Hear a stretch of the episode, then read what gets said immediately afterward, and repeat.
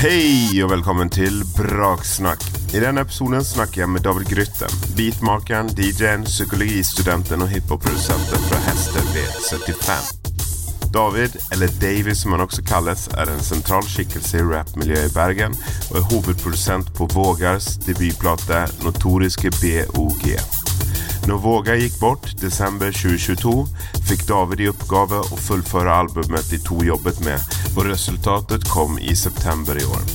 Dette skal vi snakke om, i tillegg til hvordan han startet med å lage beats, om vibbefestene, om frokost, magefølelse, og så får vi høre at hestenavnet startet som et sjekketriks på Roskildefestivalen.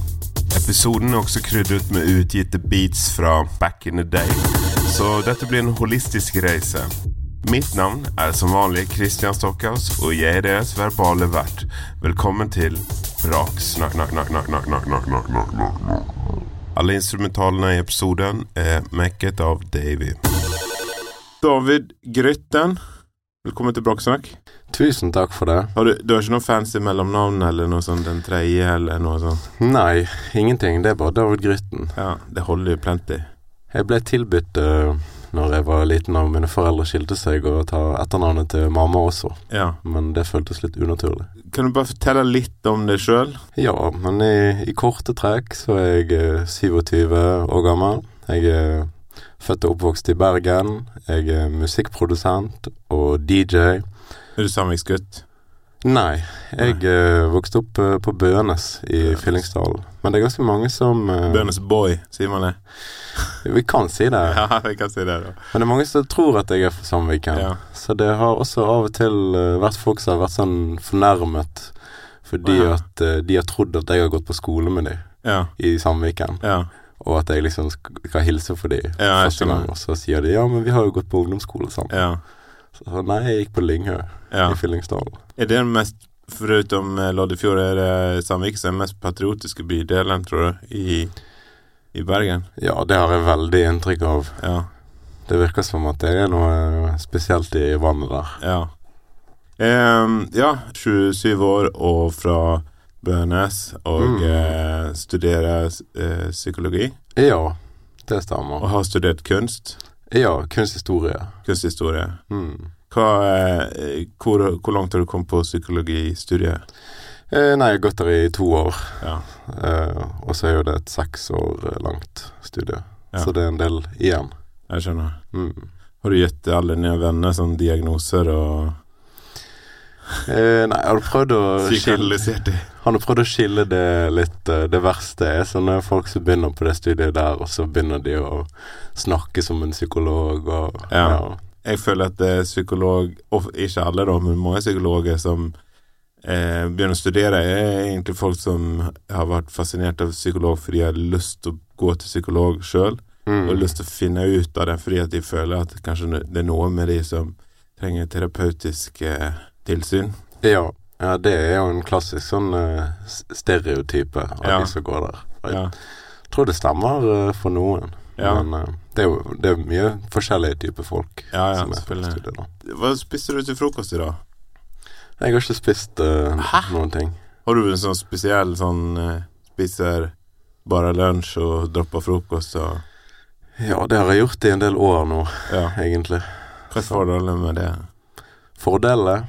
Nei, altså det, bare for min del så har jeg aldri likt å spise frokost. Så Nei. egentlig også når jeg gikk på barneskolen, så pleide jeg ikke å spise frokost eller lunsj på skolen, og pleide å kaste matpakken min. Oh ja, så gå rett på middag? Ja, Ja, uten å tenke så veldig mye over det. ok. Men uh, jeg trives best eh, med, med å gjøre det på den måten. Ja.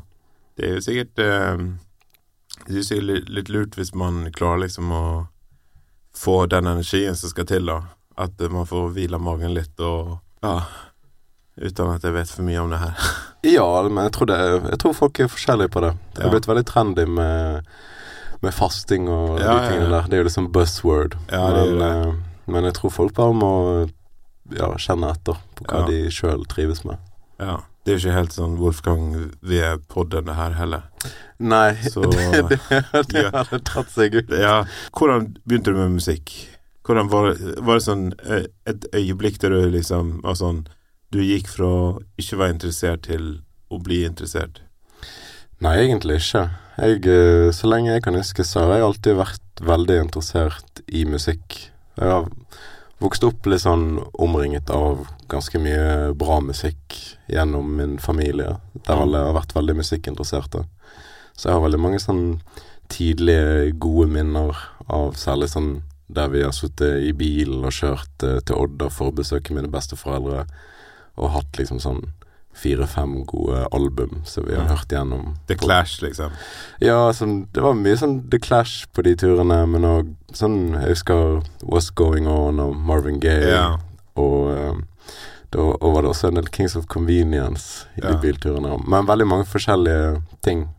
Og jeg husker jeg ja, fra tidlig av var, ble veldig sånn eh, interessert og litt sånn oppslukt av eh, musikken. Mm. Så jeg hadde egentlig alltid lyst til å spille musikk og lage musikk så lenge jeg kan huske. Mm. Så jeg begynte å Det tidligste jeg gjorde, var sånn helt i starten av barneskolen, så var jeg med å spille i skolekorpset. Ja. Så han var Hva spilte du? Jeg spilte kornett. Kornett, ja. Ja. Ja.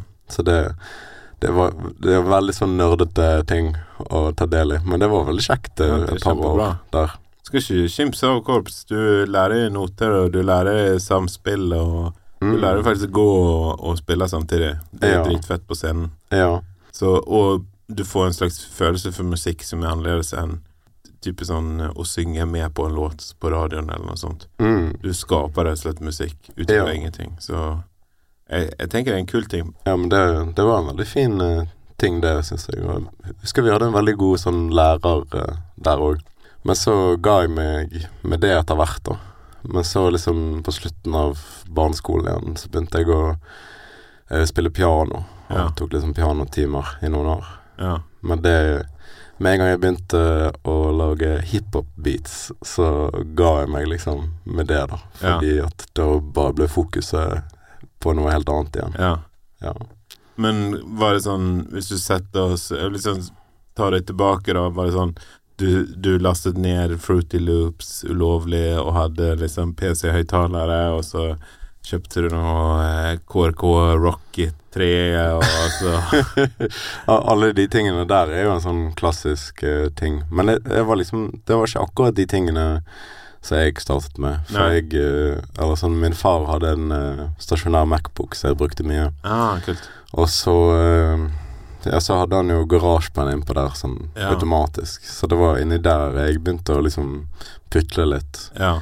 Så siden jeg hadde brukt garasjepenn, så ble det jo naturlig å begynne å bruke Logic. ja, så du er en. Logic uh, Ja. Logic lad. Så det Ja, det har jeg vært uh, i ganske mange år, Ja. så Det er jo et uh, streit program, det. Eller jeg Ja, syns, ja, det syns det funker, funker bra. veldig bra. ja, det er ganske ryddig.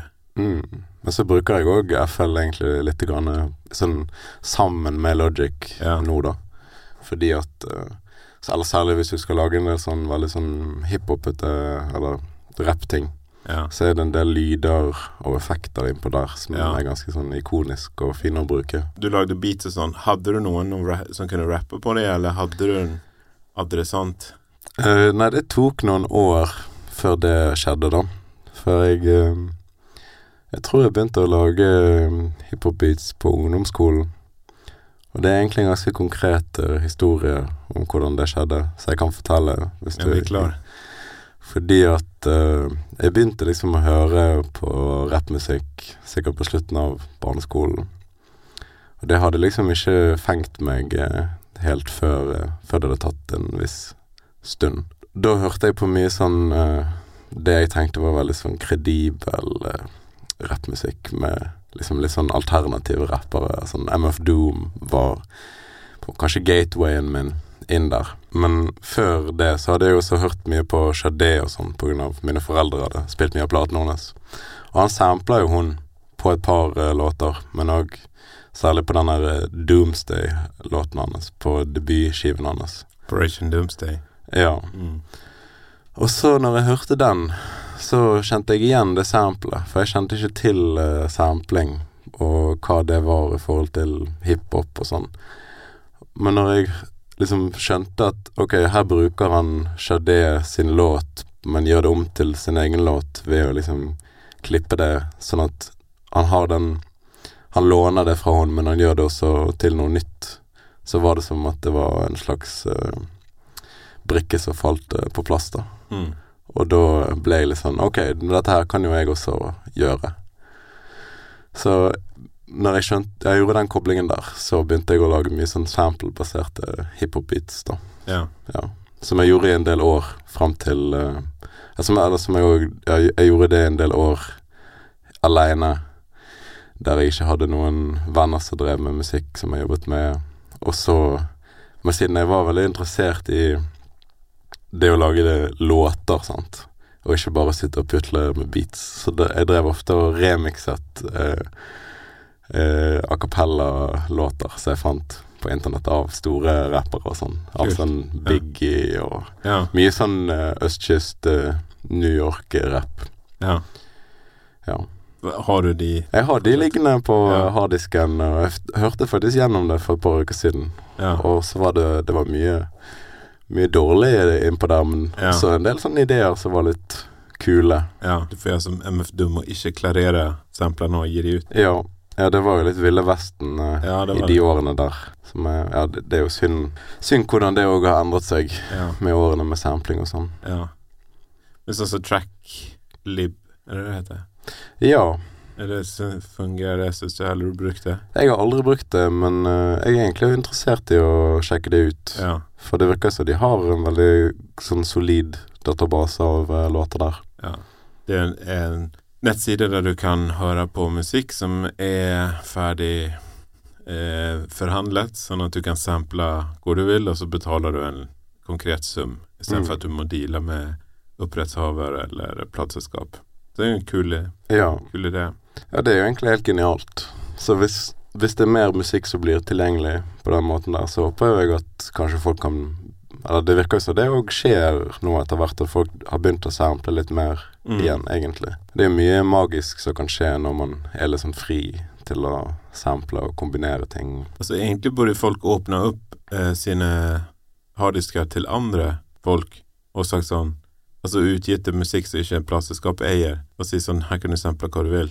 Mot Altså Jeg begynte å sample meg sjøl med ting som jeg ikke har gitt Mm. ut. Kan jeg, jo- jeg eier det meste jeg har gitt ut, så jeg kan jo sample det òg, men det er noe som er gøy. La oss si du har en låt som du aldri kommer gjøre ferdig fordi at det, det er et eller annet ved den som ikke er bra nok. Hvis du Mm. sampler den, da, så på en måte har de, alle de timene du har lagt ned, har likevel en betydelse. Mm. Så sånne ting at liksom Ja, det er sikkert masse, masse god musikk som du kunne sample som ikke er utgitt. Ja. Så bare spør. Og gjerne da folk som har spilt inn med fullt band, eksempel. ja. Ja, det er sant. Det er jo foretrekket, egentlig. Ellers blir det liksom å sample i samme univers der du allerede opererer. Mm. Hvis det er liksom software-ting, eller Ja. Så du lagde de her eh, bootleg-remixene, Ja. og så hvem var det første du jobbet med, eller hva, hva var det som skjedde da? Det er en ganske morsom uh, eh, ting, egentlig, det. Fordi at uh, jeg drev nå og putlet med å lage beats ganske mange år. Og så var det en gang mens jeg gikk på videregående, så bare fikk jeg kontakt med Det var en, sånn, dansk rapper som heter uh, Jakob eh, Skyggeberg, som også er forfatter og gitt ut uh, i hvert fall Eller i hvert fall gitt ut én bok som fikk ganske mye oppmerksomhet i Danmark. Men eh, ja, ganske tidlig sånn dansk rapper, og så bare Jeg hadde jo veldig lyst til å jobbe med noen, men jeg kjente jo ingen som drev og rappet eller lagde musikk da. Så bare hittet jeg han opp på internett og sendte han et par beats. Og så spilte han inn på de ganske fort. Og ja, noen ganske tidlige låter, det. Men eh, det var veldig stas uh, for meg å liksom eh, Ja, nå hadde jeg liksom laget noen beats, og så var det en fyr som faktisk var en Ja. rapper, som hadde uh, spilt inn på det, da. Hvor tok du kontakten? Uh, det var på Soundcloud, Ja. som var i de årene for meg veldig sånn betydningsfull for eh, musikken. Ja. Både Det var veldig mye spennende musikk som rørte seg innpå der. Mye sånn litt sånn spesiell uh, rappmusikk, litt sånn internettrapp, Mm. som var det, det var veldig sånn nytt og, og kult og fritt på den Mm. tiden. Men ja, altså, jeg hittet han opp der, og så gjorde vi det. Og så, uh, ikke så veldig lang tid etter det, så hadde liksom jeg og noen kamerater begynte å Eller noen venner jeg fikk på videregående, da. som var interessert i mye av den samme musikken og rappmusikken som meg. Det ble sånn tydelig at vi burde begynne å spille inn noen låter sammen. Fordi folk drev og liksom freestylet litt på fester, og særlig en kamerat av meg som heter Valdemar, som var Han var liksom enormt god til å freestyle. Og vi, ja, vi bestemte oss for at vi måtte prøve å spille inn noen ting på egen hånd. da. Og da eh, skulle vi spille inn noen sanger i et studio som eh, Simon Alejandro drev og driftet ute på Landås. Eller han hooket oss opp med det. Og så var det noen eh, kiser som drev og liksom driftet det og spilte inn folk og sånn. Så vi gjorde det én gang der, og spilte inn en låt. Men så var det også litt rart å være der og spille inn med noen som vi ikke kjente i det hele tatt, som òg var de følte, Det føltes som de var mye eldre enn oss, Ja. men jeg tror de var over to år. Ja, ja. enn Det er sånn magisk alder der litt al- aldersforskjell føles helt sånn som et hav av tid. Mm. Uh, så på grunn av det så foreslo eh, Valdemar at vi heller kunne spille inn hos en, en kis han kjente, som hadde noe sånn innspillingsutstyr hjemme hos seg, som han hadde møtt på, eh, på HV-festivalen. Og det var jo Ingo. Det var Ingo. Ja. Ja. Og da endte vi opp Vi skulle egentlig ut på eh, Landås en dag, men så endte vi liksom opp med å snu og dro heller hjem til Ingo. Og meg og Ingo, vi hadde allerede Jeg hadde ikke truffet han før, Nei. men vi hadde liksom sendt noen meldinger til hverandre på Soundcloud. Ja. Fordi vi hadde hørt liksom på beatsene. For da drev Ingo og lagde en del sånn beats. Oh, ja. Og jeg hadde lagt ut de låtene med han eh, Jakob Skyggeberg og Mm. en del beats og sånn. Og da hadde vi liksom vært inne og liket og kommentert. sånn. Fanboyet litt på hverandre. Ja. Ja. ja. så da linket vi opp der eh, hos Ingo, da. Ja. Og så etter hvert så Ja, så var det flere som ble med og spille inn på låtene. Og det var liksom starten på hester og, og vibbefanger ja. og alle de tingene der.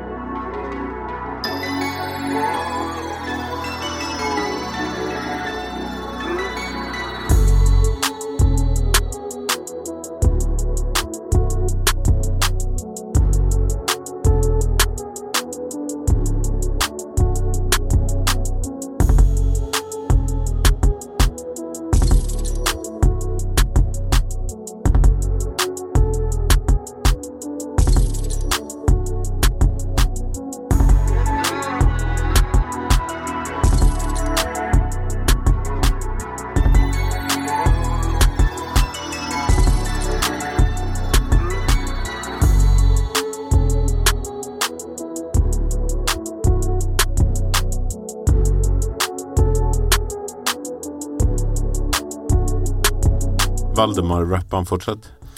Nei, han gjør ikke det. Ja. Han uh, Han driver og maler og har eh, studert juss, så jeg tror han er ferdig Ferdig på rettsvitenskap nå.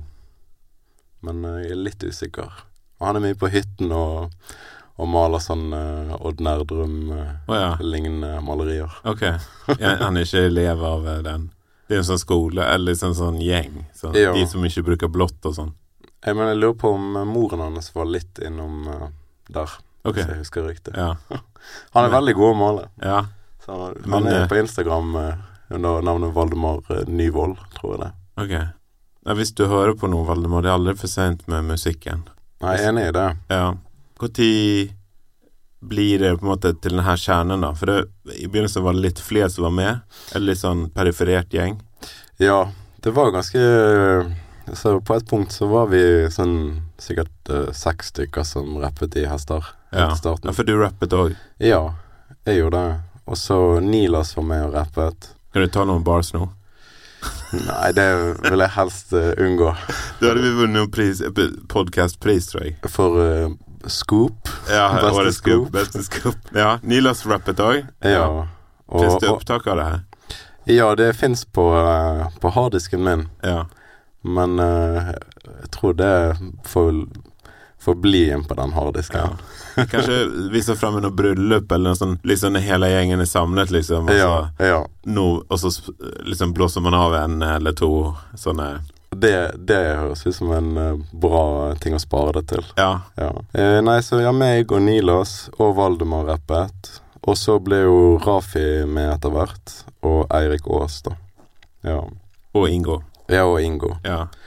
Så det var liksom eh, kjernen i det. Men så etter hvert som Vi lagde jo liksom tre Eller først begynte vi med å legge ut eh, ganske mange sanger på Soundcloud.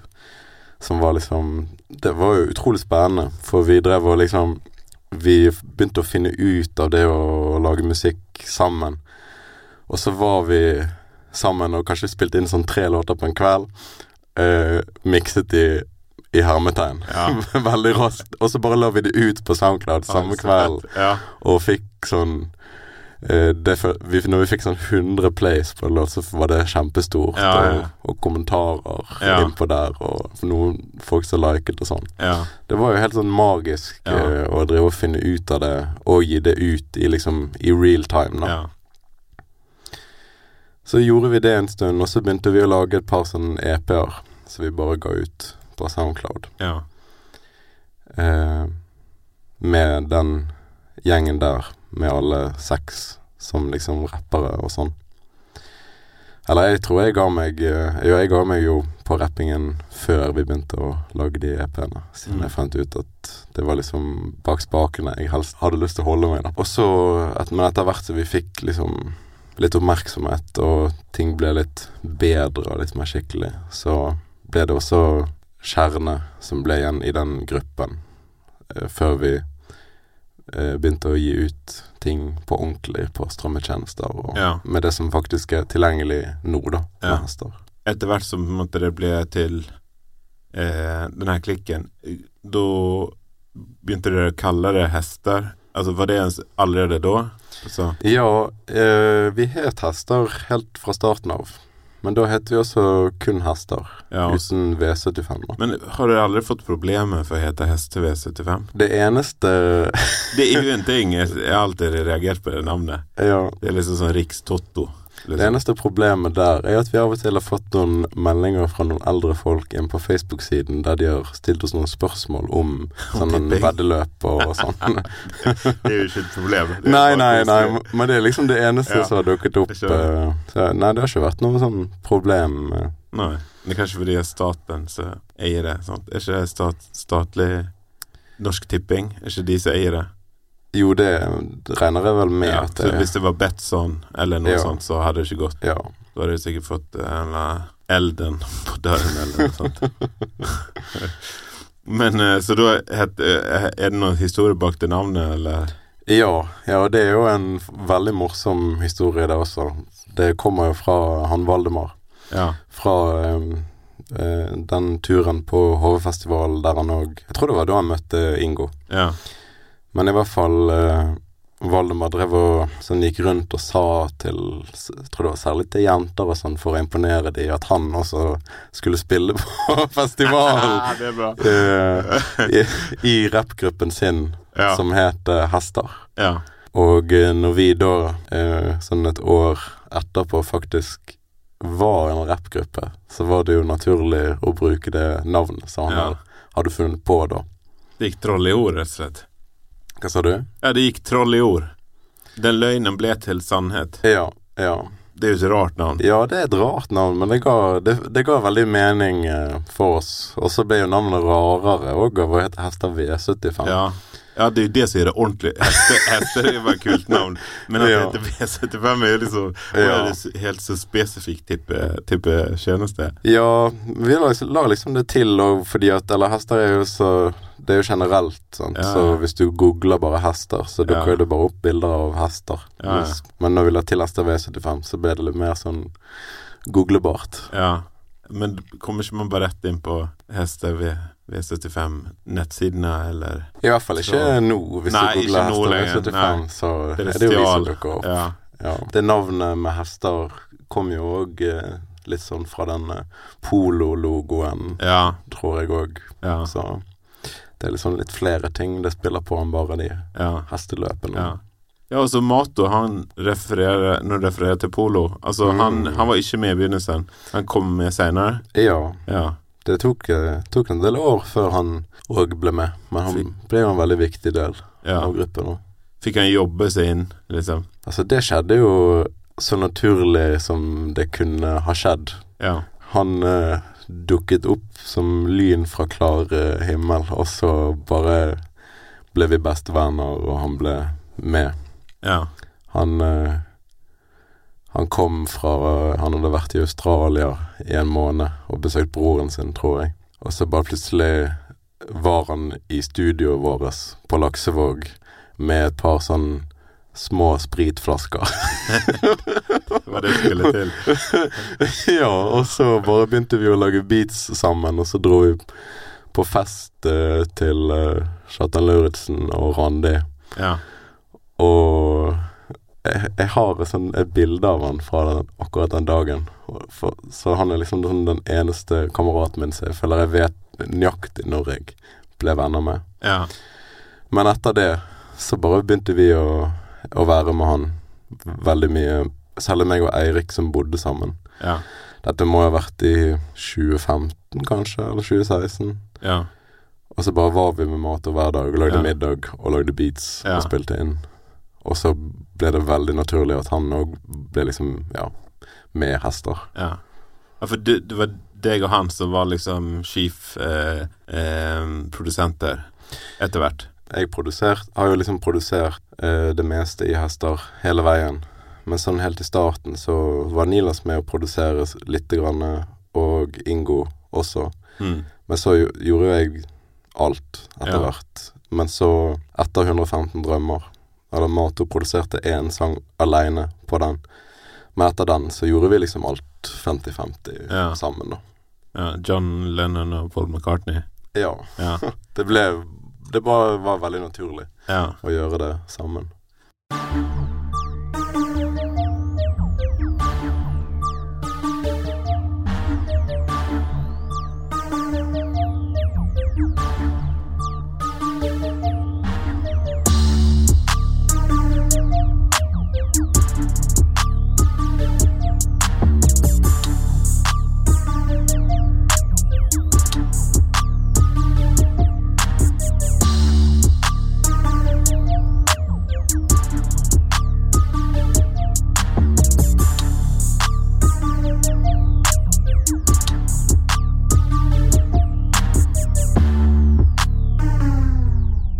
Festene som dere startet sen, Vibbe-festene, var det for å kunne spille sjøl, eller var det for å få inn penger til å finansiere prosjekt, eller hvordan kom det sammen? Nei, det, det var jo liksom litt flere ting. eh. Det var jo for sjøl ha muligheten til å spille, Ja. men òg fordi at vi var òg en gjeng der det var, det var mye som skjedde, sant. Og folk drev og DJ-et, og det var flere som lagde musikk, og så ble det bare veldig naturlig å gjøre det. Men uh, de var jo ganske sånn legendariske, de festene. Mm. Jeg, jeg tror jeg kanskje bare var på noen av de som var liksom eh, på slutten. Ja. Ikke de er liksom villeste. Mm. Men dere eh, fanget jo på en måte deres samtid på en eller annen Altså den, i den aldersgruppen som plutselig var klare til å gå på byen, ja. og så fikk bare samlet alle sammen, og kombinerte da med både å ha DJs, men også å promotere bandet deres. Mm. Hvordan, når det var på det liksom hotteste, da, hvordan vil du beskrive en sånn vibbefest? Det var en spesiell ting, fordi at det Vi begynte jo med det rundt sånn den samme tiden der vi gikk på Eller startet med å gå på byen, og Ja. startet med å lage musikk, og så alt sånn skjedde jo samtidig. Så det er litt sånn Jeg vet ikke, det er jo litt sånn uklart i mitt hode òg hvordan eh, det var. Fordi at bare alt skjedde, og det var naturlig. Så det var jo òg på en måte en måte å oppdage alt det der ved å arrangere ting og gjøre det sjøl. Men liksom det å oppdage å gå ut og spille konserter, og å gå og se konserter eh, som voksen, liksom. Eller myndig. Mm. Kanskje ikke helt voksen, Nei. men Jobber fortsatt med det, sant? Bli voksen. ja. Sakte, men sikkert. Men så, ja, det, var, det er liksom en sånn eh, På en måte en suppe av uh, ting. At det, det var veldig mye som skjedde en periode der. For det var, det var jo litt sånn rockestjerner i byen, var ikke det? Hvis du skal være helt ærlig. Rockestjerne. For, for, eller sånn, det, var, det var veldig mye som klaffet samtidig, Ja. på en måte der, da. Så var det mye sånn ting var veldig sånn flytende.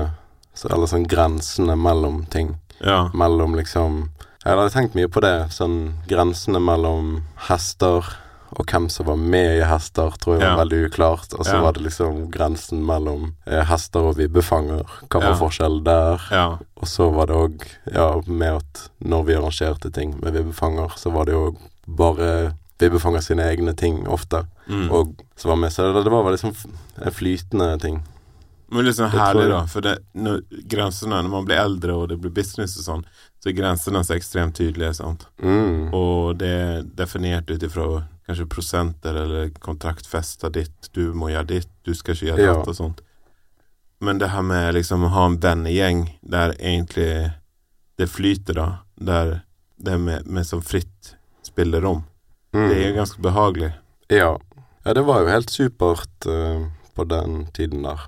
Og så, så når man nå blir eldre, så kan jo du på en måte Eller du kan jo ikke fortsette å gjøre ting helt på den måten Nei. der, for etter hvert så må du tenke litt mer langsiktig og Ja. se liksom Ok, hvor kan du få inn litt penger på Ja, det her, og Ja, du må ha det i kronasjene. mm. Men hva er status for uh, Hester nå, da? Dere hadde en comeback på Trevarefestivalen i sommer. Ja, eller eh, jeg, jeg tror Og vi sa på scenen på Trevare at Ja. vi, dette er ikke et comeback. Nei, ok. Men eh, Men det var vel det? Det var jo det på en måte, for det, det er jo Altså, i år så er det vel fire år siden vi har spilt og gjort noe med hester. Ja. Så det var jo et slags comeback sånn sett. Men eh, når vi gjorde det òg, så var det jo bare for gøy. At det var liksom ikke i sammenheng med noe mer Nei. enn at vi spilte den konserten, og så spilte vi opp på Balestrand. Ja. Men uh, neste år så har jo vi tiårsjubileum med hester, så Ja. vi driver og ser litt sånn på mulighetene Ja. og hva vi kan gjøre der. Det er fremdeles litt sånn usikkert hva vi skal gjøre, da, så jeg skal ikke si for mye. Nei. Men hester er liksom Vi har jo ikke slått opp som gruppe, Nei. men at det er liksom på en ubestemt Eller på, pause på ubestemt tid. Ja. Så alt, eh, alt kan skje. Alt kan skje. Så status er liksom Vi får se neste år når tiårsjubileet er. Ja, jeg er litt spent uh, sjøl på hva, hva vi får til.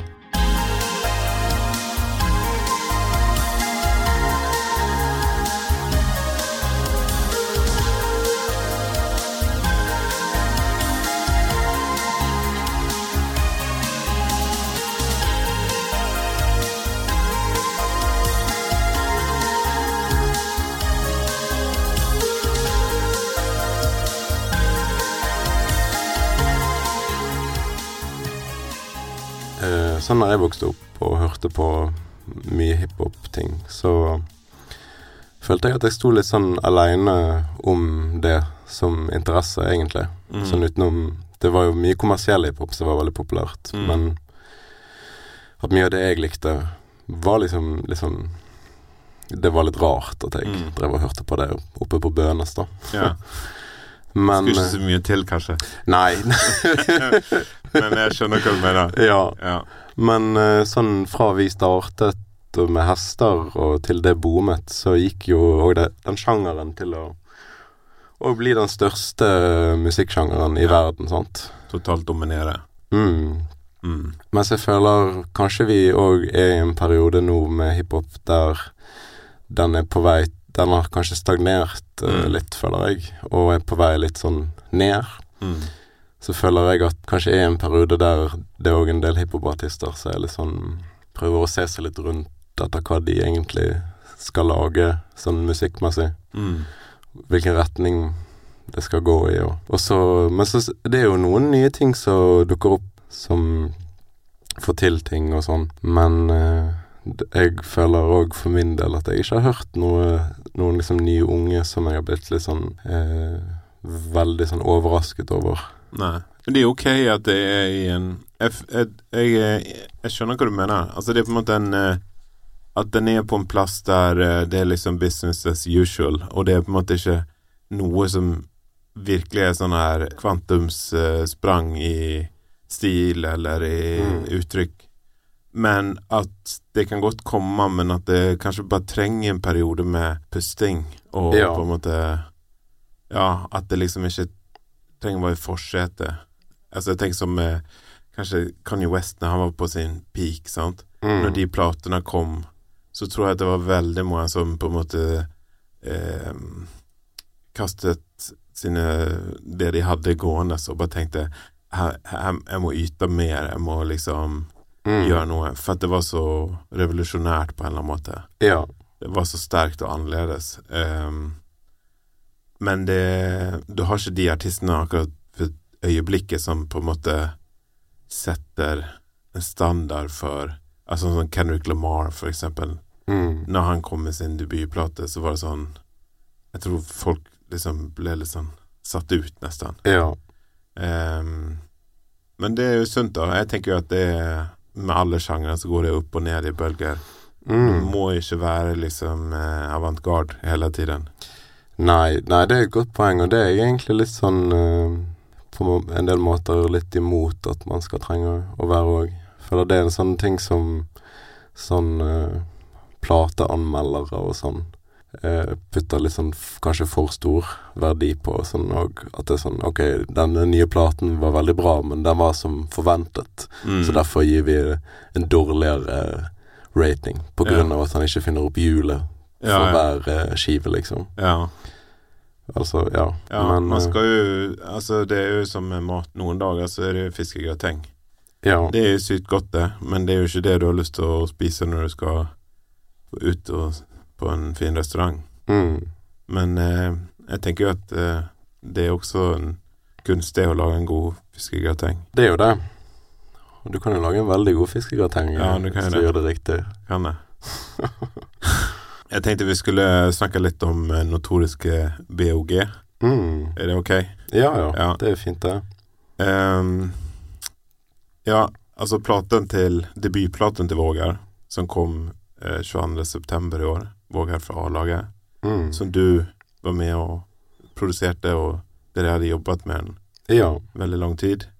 Og ehm, så gikk han jo bort i desember, og du fikk i oppdrag å gjøre ferdig platen. Mm. Ehm, det er jo en helt spesiell historie og en, liksom en spesiell atmosfære eller et eller annet slør som ligger rundt det, da. Ja. Men, men man tenker liksom på den lyse siden, da, eller liksom sånn Det som så positivt med det, kunne huske når dere liksom begynte å jobbe sammen, og, det her liksom Shit, nå Det her blir fler, mer enn én låt, eller det her blir en plate, eller det her blir Hvordan Mm. var liksom, hvis du skal En klassisk sånn session, da? Du kan ta med oss tilbake til det. Ja, ja det, det var en spesiell uh, tid sånn uh, når vi startet å lage den platen. For uh, meg og Våger, vi ble jo venner mye gjennom at jeg Eller han var jo en av de som drev Klubb Kok. Og så begynte jeg å jobbe der. Først gjorde jeg en del sånn DJ-oppdrag der, og så begynte jeg å gjøre sånn teknikk der, og, og lyd og sånn. Så jeg jobbet jo veldig mye på Kok sammen med Våger. Så det, det var også en litt sånn spesiell og ganske gøy periode der. Med liksom at jeg fant ut av sånn det DJ-greiene, og gjorde det veldig mye. Og eh, Var du hus-DJ-en? Ja, altså en av de, Ja. på en måte. Eller vi var flere som spilte der mye, men jeg spilte der veldig mye en Ja. periode, da. Men det var kjempekjekt. Var du og Girson og Meg og Girson og um, Fredrik Opo Opoku Ja. og um, og meg og Mato spilte jo veldig mye sammen på Klubb Kok. ja. Eh, så det, det var liksom en periode der med den klubben, og så ble meg og Vågar bedre kjent gjennom at så når vi hadde dødtid der, så drev vi og preiket om musikk, og vi hadde ganske lik musikksmak. Mye òg sikkert på grunn av at jeg hadde blitt påvirket av A-laget og den musikken de hadde laget, sant. ja. Og så drev jeg og viste han liksom beats av og til som jeg testet på anlegget på Kok.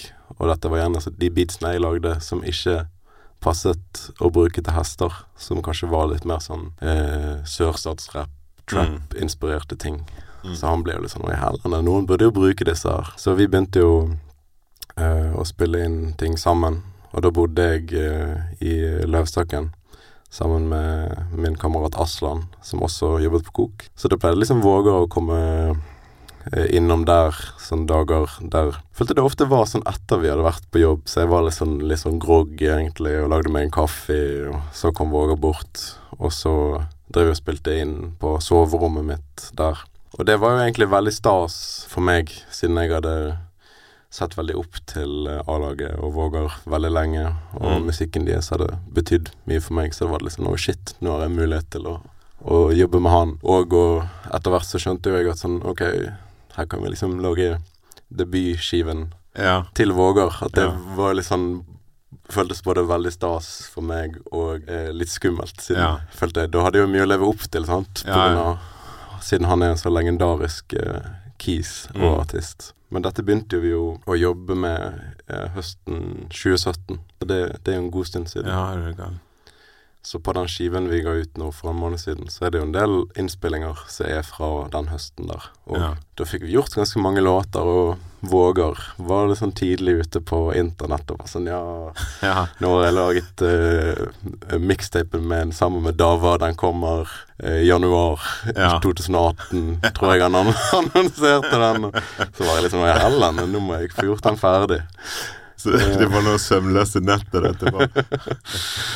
Eh, men eh, selv om han var litt sånn eh, tidlig ute med å annonsere det Han var, hadde jo liksom ikke nødvendigvis så mye å bevise. Sant? Han, han var jo allerede en legendarisk rapper, og eh, vi drev og spilte inn mer ting. Så ble Mm. det sånn okay, Her er vi kanskje på sporet av en ting som vi kan jobbe litt med, og utvikle og finne litt ut av en sound sammen. Så gjorde jo vi det og bare fortsatte egentlig ganske lenge. Og så ble det jo bedre og bedre låtmateriale, og jeg utviklet meg ganske mye som produsent i løpet av de årene, og fant liksom ut av en måte å lage beats på som passet seg bedre til stemmen til Våger og den stilen vi gikk etter. Så ja, eh, så for, egentlig for et år siden så hadde vi funnet ut av en tracklist til, den, til det albumet, og det var veldig tydelig hva, hva den skiven var, og liksom hvordan det skulle starte og slutte, og hvilke låter som skulle være med. Så det var jo nesten helt ferdig før, eh, før han døde i desember. Mm. Så han hadde jo allerede skrevet plate nummer to, som Ja. vi skulle spille inn sammen på hytten min. Ja. Som skulle hete Davorotti bok.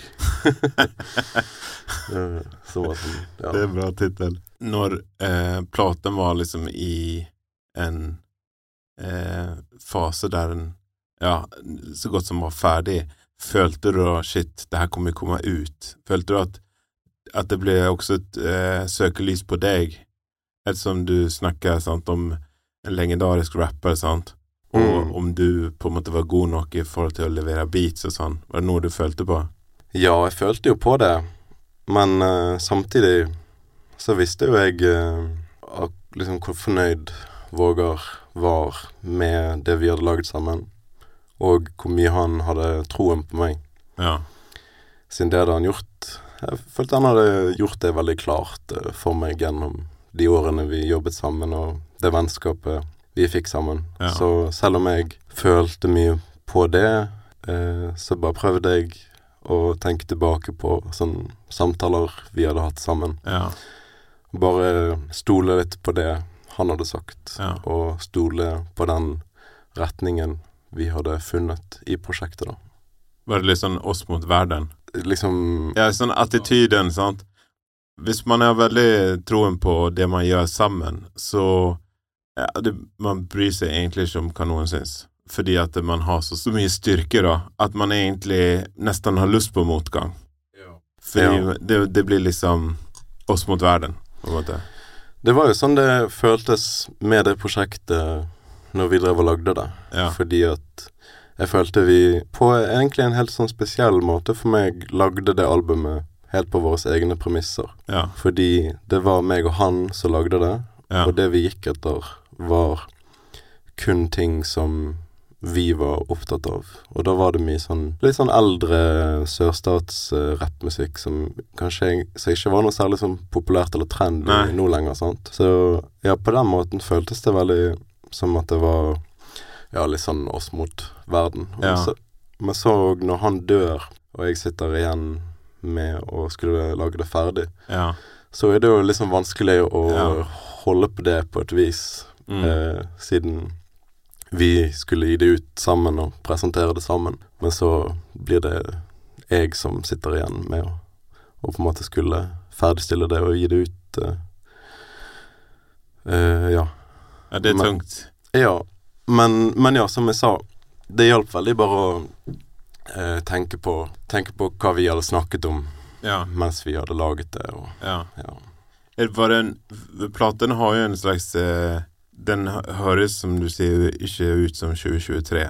Mm. Den høres jo Jeg vet ikke helt om det er liksom tidlig 2000-tall, eller spesielt de her stemmene som er innimellom, med, som er liksom filtrert. Eh, uten bass, som liksom med litt sånn delay og sånn. Mm. Eh, det var en sånn greie som var populær på var, var det en lek, eller var det liksom sånn Sånn skal det være, for det er fett? Eller var det sånn der Nå spiller vi litt på forventningene av liksom Litt sånn old school eh, ting? Eller var det liksom sånn Det her er på en måte litt morsomt? Jeg føler egentlig alt som Eller sånn de tingene som er referanser til litt eldre ting, de er der fordi at det er på en måte De elementene er de feteste tingene Ja. fra rappmusikk Ja. som har vært, syns jeg. Eller sånn For eksempel med hvordan stemmen til Vågar er mikset, og hvordan det ligger i låtene, er veldig mye sånn inspirert av Gucci Mane sine mixtaper fra sånn 2012 Ja. som bare er noen av den aller beste rappmusikken som er blitt laget. Men òg i forhold til uh, hvilken type rapper uh, Vågar er, så er han jo en rapper som har mer til felles med en del av den rappmusikken som ble laget på den tiden, sånn som Gucci Mane. Ja.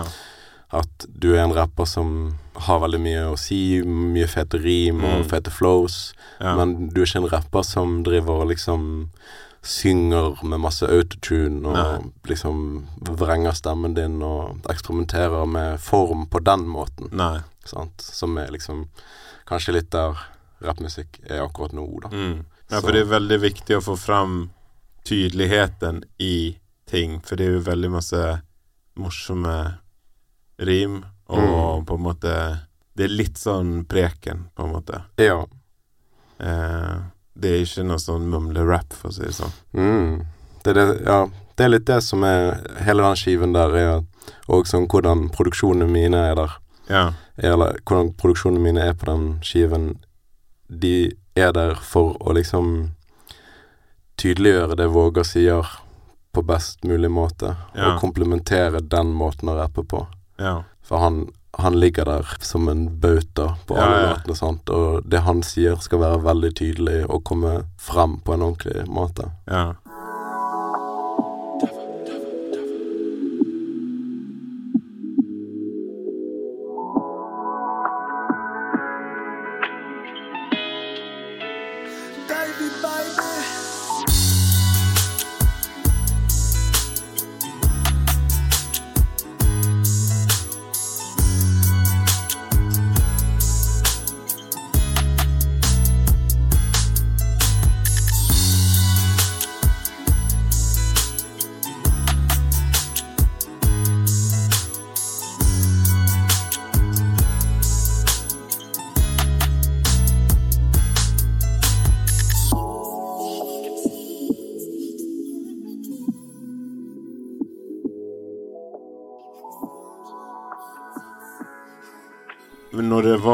Session og sånn, når det tok pause, hva, hva gjorde dere da? Sånn typisk Altså, satt dere og snakka om ting, eller så dere på TV, eller gikk en tur, eller Så med vennskapet mitt eh, til Våger sånn forutenom det å, å lage musikk, så følte jeg at det vi gjorde Eller vi preiket veldig mye sammen om alt mulig. Veldig mye om musikk, siden vi satt og nerdet mye på mye av den samme rappmusikken.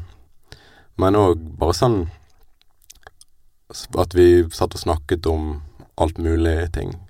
Sånn så Og bare hvordan han var. Så hvis du setter han i gang, Mm. så bare fortsetter han å kunne snakke helt uendelig mye om alt mulig. Sånn Mm. med gammel historie, og om trening og kosthold og ting som skjer i Bergen, og ja, alt mellom himmel og jord, Ja. egentlig. Så det ble mye preiking eh, inni der, og eh, Vågar var jo også ti år eldre enn meg, så han var jo for meg en veldig fin venn å ha, sant. Å ha en som er eldre med litt mer livserfaring, og kunne spørre litt om forskjellige ting. Det virker som en sånn unikt eh, Både at du var Jeg vil ikke bruke ordet læregutt, da, men la oss si en yngre person og en eldre person Mm. som lager noe sammen der begge er på samme nivå, men også da har den her eh, forskjellen i alder og erfaring, eller hva det nå skal være, sånn at det blir en litt sånn,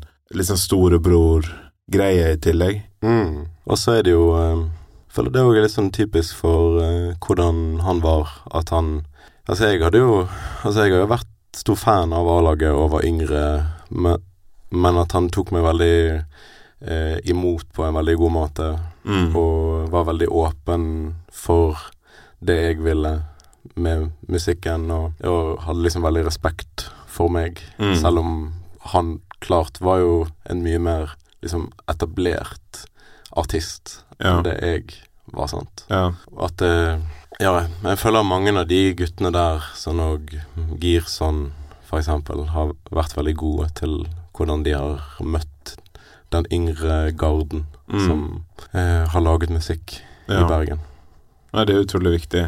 Ja. Det var jo sånn eh, Jeg tror den første gangen jeg traff Våger, var eh, fordi han innkalte oss eh, i Hester til et møte nede på Klubb Coop. Audiens. Han, han ville ha audiens med dere.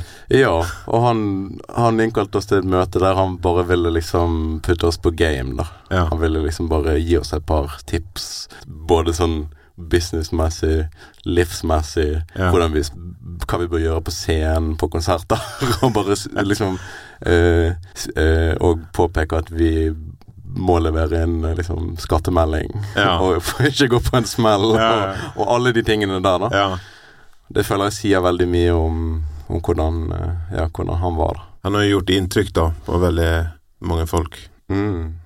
Hvordan føler du med platen Jeg, jeg kunne tenke meg at du har følt forskjellige ting for platen underveis. Ja. Hvordan føler du nå, liksom? Har du Er det, en, er det sorg, eller er det også lystbetont på en eller annen måte?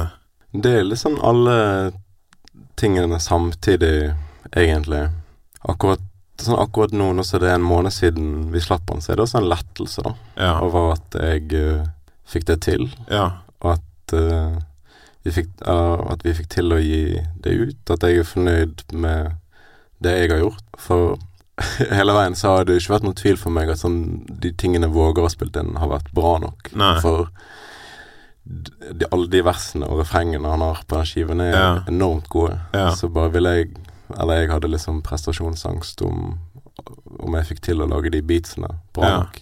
Det føler jeg at jeg har gjort, da. Og at det, at det ble en skikkelig god skive som var liksom verdig eh, for han. Så jeg føler meg litt lettet nå at, jeg, at vi greide å dra den i land, da. ja. Eh, For det blir som et monument over hans liv, på en eller annen måte. mm, For de er så tett Hans bortgang og på en måte den platen er så tett knyttet.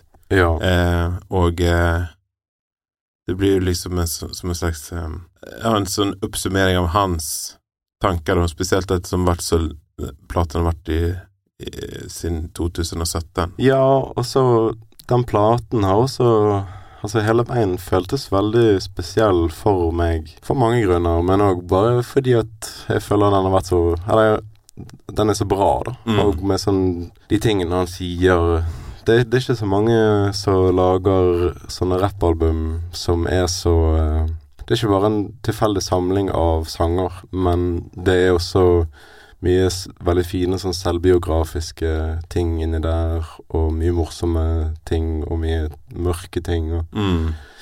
Så han, han har liksom fått inn et slags Eller fått inn livet sitt Mm. i den musikken på Ja. en sånn unik måte, da. Jeg er veldig glad vi fikk dratt henne i land, så har fått mye god hjelp òg av mye av folkene rundt meg og rundt han. Sånn Ida, som var gift med Våger, har gjort en veldig god jobb Mm. med eh, utgivelsen og eh, Og sånn har fått mye hjelp fra Fra Girson inni Mm. her, og fått bruke studioet som han drifter ute på verftet. Og sånn de andre som Det er jo noen andre produsenter som har hjulpet meg litt på Ja. forskjellige sanger og Ja. og gjøre ting liksom Eller liksom sette prikken over i-en Ja, en del av produksjonen. Ja. Coveret Cover er veldig fint òg. Ja, ja jeg syns det òg ble enormt bra. Har det blitt lagd i ettertid, eller? Ja, Ja. det, han Mikael Fløysand lagde det og med litt hjelp fra en del av kameratene til Våger for å få med sånn ja små uh, easter eggs, liksom. Ja, Ja. ting som Det er noen ting som er med i sangene, som er med Ja. på det coveret, og bare noen sånne ting fra oppveksten til Vågar, Ja. sånn som er med der, så ja, det er utrolig bra. mm.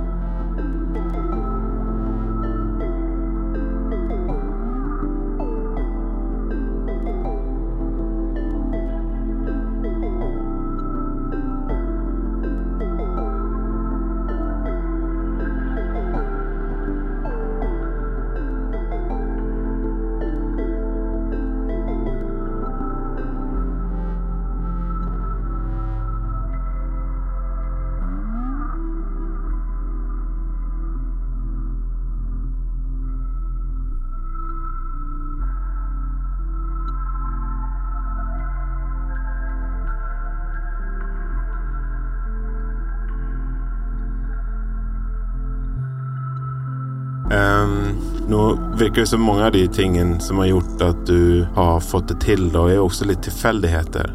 Mm. Eh, Mye av din suksess har jo sikkert med din personlighet å gjøre. At du er åpen, og at du er snill, og liksom Ja, at du er en positiv person, da. Mm. Og at positivitet og, og de tingene åpner jo dører. Men, Mm. men hvis du skulle kunne gitt et råd til noen som har lyst til å produsere eller jobbe med musikk, er det noe du kunne tenke på da? For meg så er en av de største tingene for å få til ting, er jo å, bare gjøre det, sant. Ja. Jeg føler med ting jeg har gjort, så er det jo generelt det som er, Det er jo den utløsende tingen, at man ikke sitter og tenker for mye på hva du har lyst til å få gjort, men at du bare setter i gang. Så, så starter du i alle fall med det. Sånn som når vi Med hvordan hester startet, så var det jo liksom jeg har lyst til å gjøre denne tingen her, så da bare begynner man å spille inn. Ja, da bare gjør man det. Ja. Ja. Ikke vente på eh, liksom, at stjerna skal stå i riktige posisjoner, eller at, at man må få en anerkjennelse, bekreftelse eller et eller annet fra noen andre. Bare begynne å gjøre Mm. ting. Ja. Så føler jeg at det har vært viktig å følge magefølelsen på ting.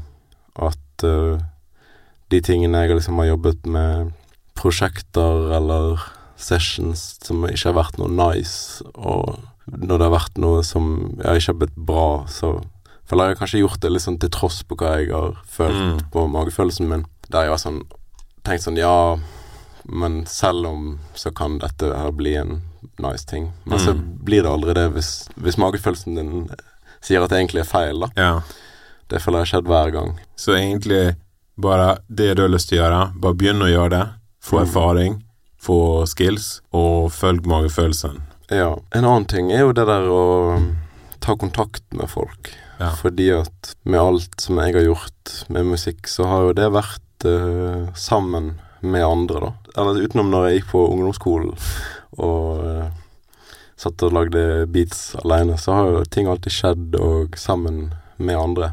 All, alle de gode sangene jeg har laget, så har det alltid vært en sånn Det har skjedd på grunn av en følelse som ligger liksom imellom meg og de andre som er med der. Så jeg, jeg føler at det, liksom den sosiale tingen er, er veldig viktig for meg, iallfall. Og sånn Alle som jeg har laget musikk med og, og gitt ut musikk med, er jo folk som jeg tenker på som veldig gode venner av meg. Jeg vet ikke om jeg greier å mekke liksom musikk med folk der det bare er noen randoms. Mm.